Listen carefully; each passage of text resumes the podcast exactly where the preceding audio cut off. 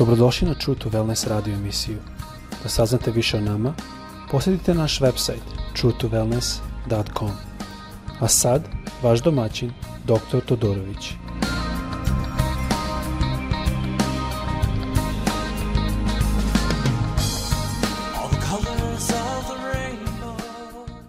Ljubazni, dobar dan i dobrodošli na naš podcast. Pozdravljam vas iz Florida, odakle ja to radim. Ja se izvinjam, moj srpski, kao što možete primetiti, znate, je malo slabiji. Znam da bi to vratno nekim ljudima smetalo, ali nadam se da reč Božja i ljubav Božja izlazi i diže se iznad svega toga. Kao što znate, odrastao sam u Kanadi, tako da engleski mi je puno lakši, ali svakako ja sam rođen u Srbiji, volim moj narod, divim se nekim lepotama našeg naroda i zato želim da što više vežbam i da što više pomognem ako mogu svom narodu. A, kao što znate, dr. Nikolić a, ima neke a, zdravstvene probleme i pitao bi vas sve da ga držite molitvi. A danas želim malo baš razmišljati, govoriti o ribolovu. Znam da mnogi ljudi vole da idu na ribolov idu da love ribu. A sada, ovde u, u Floridi sa je divno vreme, 25 stepeni, 23 stepena, tako da ovde je svakako vreme za ići za ribolov, ali a, verujem da većina koji slušaju ovo, bilo to u Kanadi, Americi ili po jednom drugim zemalja ili po Srbiji, Većinom tamo je sada više zimski period, tako da ne znam koliko ljudi idu u ribolov. Mi vidimo kad čitamo u Jovanu 21. glava da je Petar otišao u ribolov. On je bio ribolovac po zanimanju. To znači ne samo neko koji lovi ribu vikendom ili e, lovi ribu um, kad je slobodan. On je to radio za život. On je literalno lovio i prodavao ribu. Ako posmatramo Petrovu situaciju, on je pratio Hrista od maltene samog početka I kao što su verovali u to doba, oni su verovali da Mesaja ili Hrist će biti neko koji će voditi borbu protiv rimskog carstva i pobediti i staviti da je Izrael opet ona zemlja što je bila u doba Davida. I to je bilo očekivanje i mnogo puta vidimo da um, izađe tu i tamo slučaj u Bibliji da vidite kada pita učenici, pa gospode, kad ćeš dovesti tvoje carstvo? Oni su o tome govorili. Oni su dalje očekivali da je Hrist neki vojvođa, isto sin Boži, sve to razumemo, ali da je neki vojvođa koji će pobediti fizički, pobediti Rimljane i napraviti novo carstvo i oni će biti ministari i tako dalje u tom carstvu. Pravi plan što je bio da Hrist umre za nas, umesto da savlada Rim, Boži plan je bio da umre za nas tako da bi mi mogli imati duhovno spasenje. Taj plan je bio sakriven uh, u Božoj mudrosti, sakriven od ljudi, čak i od njegovih vođa. I to svakako razumemo da to đavo isto nije razumeo, zato je đavo samo upao u svoju klopku, a to je svo, sve Bog video u svojoj mudrosti.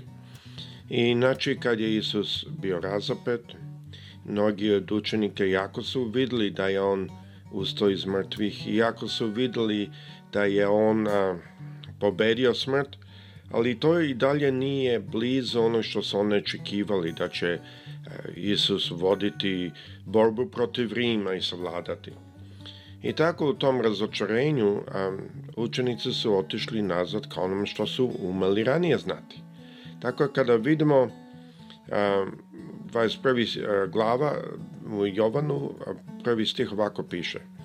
Isus se posle toga ponovo pokazao svojim učenicima na Tiberijskom moru, to je, to je Galilejsko more. A pokazao se ovako. Simon Petar, Toma zvani Blizanac, Natanijel iz Kane Galilejske, a Zaverski sinovi i dva druga učenika su bili zajedno. Simon Petar im reče, idem da lovim ribu. Oni rekoše i mi ćemo s tobom. Iziđoše pa učoše u, uđoše u čamac, ali te noći ne uloviše ništa. Sada mi znamo da je Petar zvan u službu i Boga je pozvao, Isusa ga je pozvao da njemu služi, ali posle sve tuge, posle svega što je video, Petar je otišao onome što on zna najbolje. On je bio ribolovac, on je znao da lovi ribu. I zanimljivo mi je to zato što mnogo puta mi kao ljudi odemo nazad na ono što znamo i što nam je e, familijarno. A to je jako bitno da shvatimo, zato što mnogo puta kao hrišćani mi smo spremni da osudimo. Ovde mogli bi reći, pa šta je Petro, on je otpao sada, otišao na zapara, Isus je rekao da ne stema ruki na plug i da se okrenemo, vidi što Petar radi. Ali mi nalazimo iznova i opet i opet u evanđelju da naš gospod ne osuđuje koliko smo mi spremni da osudimo mi nalazimo da nas, naš Bog voli puno više nas nego što smo mi spreman, spremni jedne druge. I to je u stvari znak što Isus nama rekao u Jovanu, da po ovome će oni znati. Po čemu? Ako ste jedni, ako ste vi svi jedni. Ne može se biti jedni ako se ne voli jedan drugi.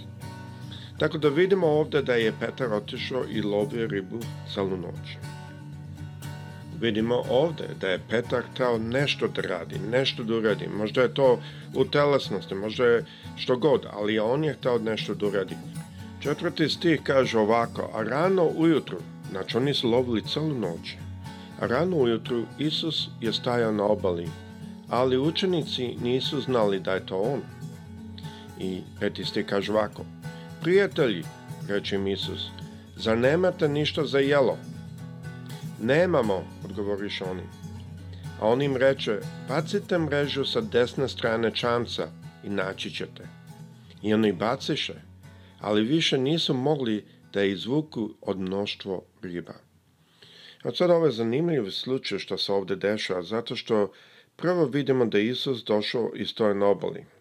Oni ga nisu prepoznali, vratno su bili prilično daleko, a to jezero je prilično veliko. Vidi se druga obala, ja sam bio tamo na jezeru, spavao sam tamo više dana pored tog jezera, ali a, vidi se druga obala i Jordan, što je tamo, zemlja Jordan danas, što zovemo, ali je prilično veliko.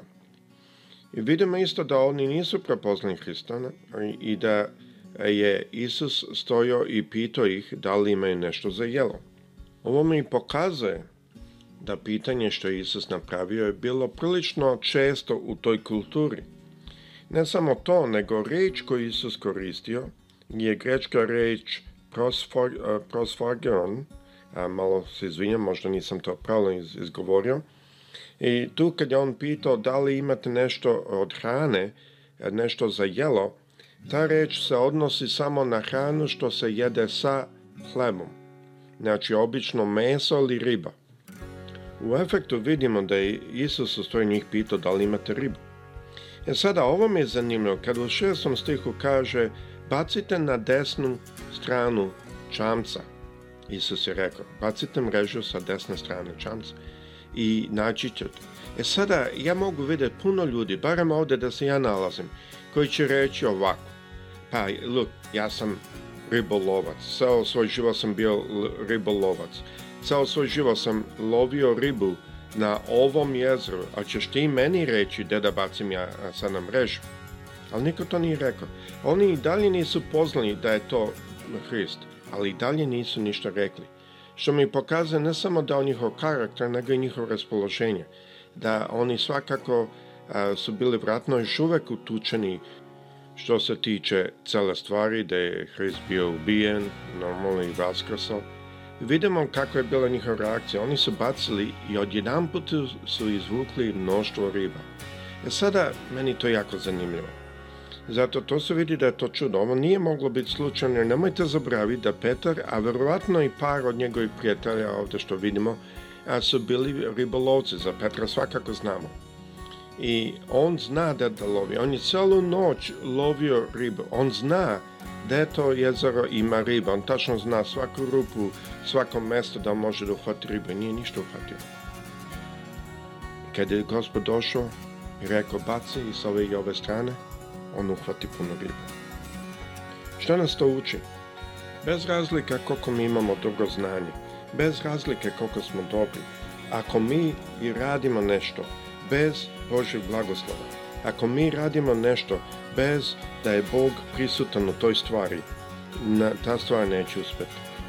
A isto vidimo, kad radimo nešto i Bog je tu, Hrist je tu, da stvar odmah bude i ne samo da bude dovoljno za nas, nego ovde vidite da smo morali zvati druge a, da, da dođu i da pomognu sa to, svom tom ribom. Ljubazni, ovde nije problem da mi ne trebamo ići u ribolov.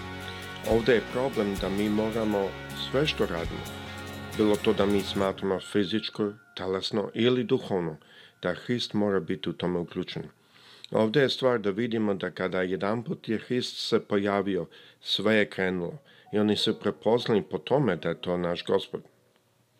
Ja mislim da ovo bitno da shvatimo kad idemo na posao, kad radimo sa familijom, kad svedočimo drugima, kad govorimo drugima o Hristu.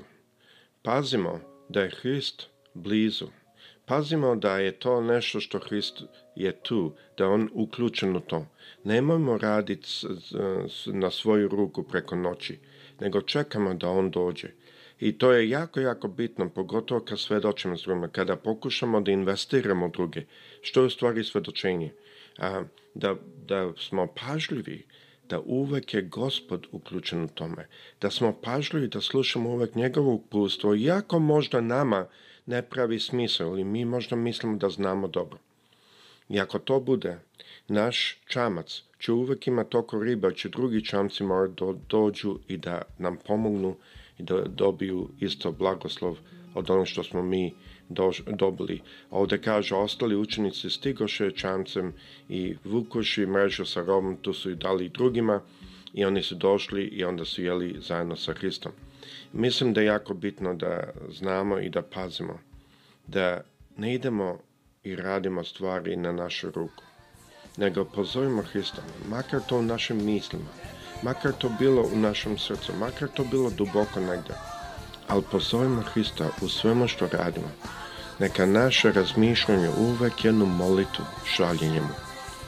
I on će nas blagosloviti, i on će nas podići, i on će dati da naš čamac bude blagoslov svima drugima. Gospod sa svima vama prijatelj.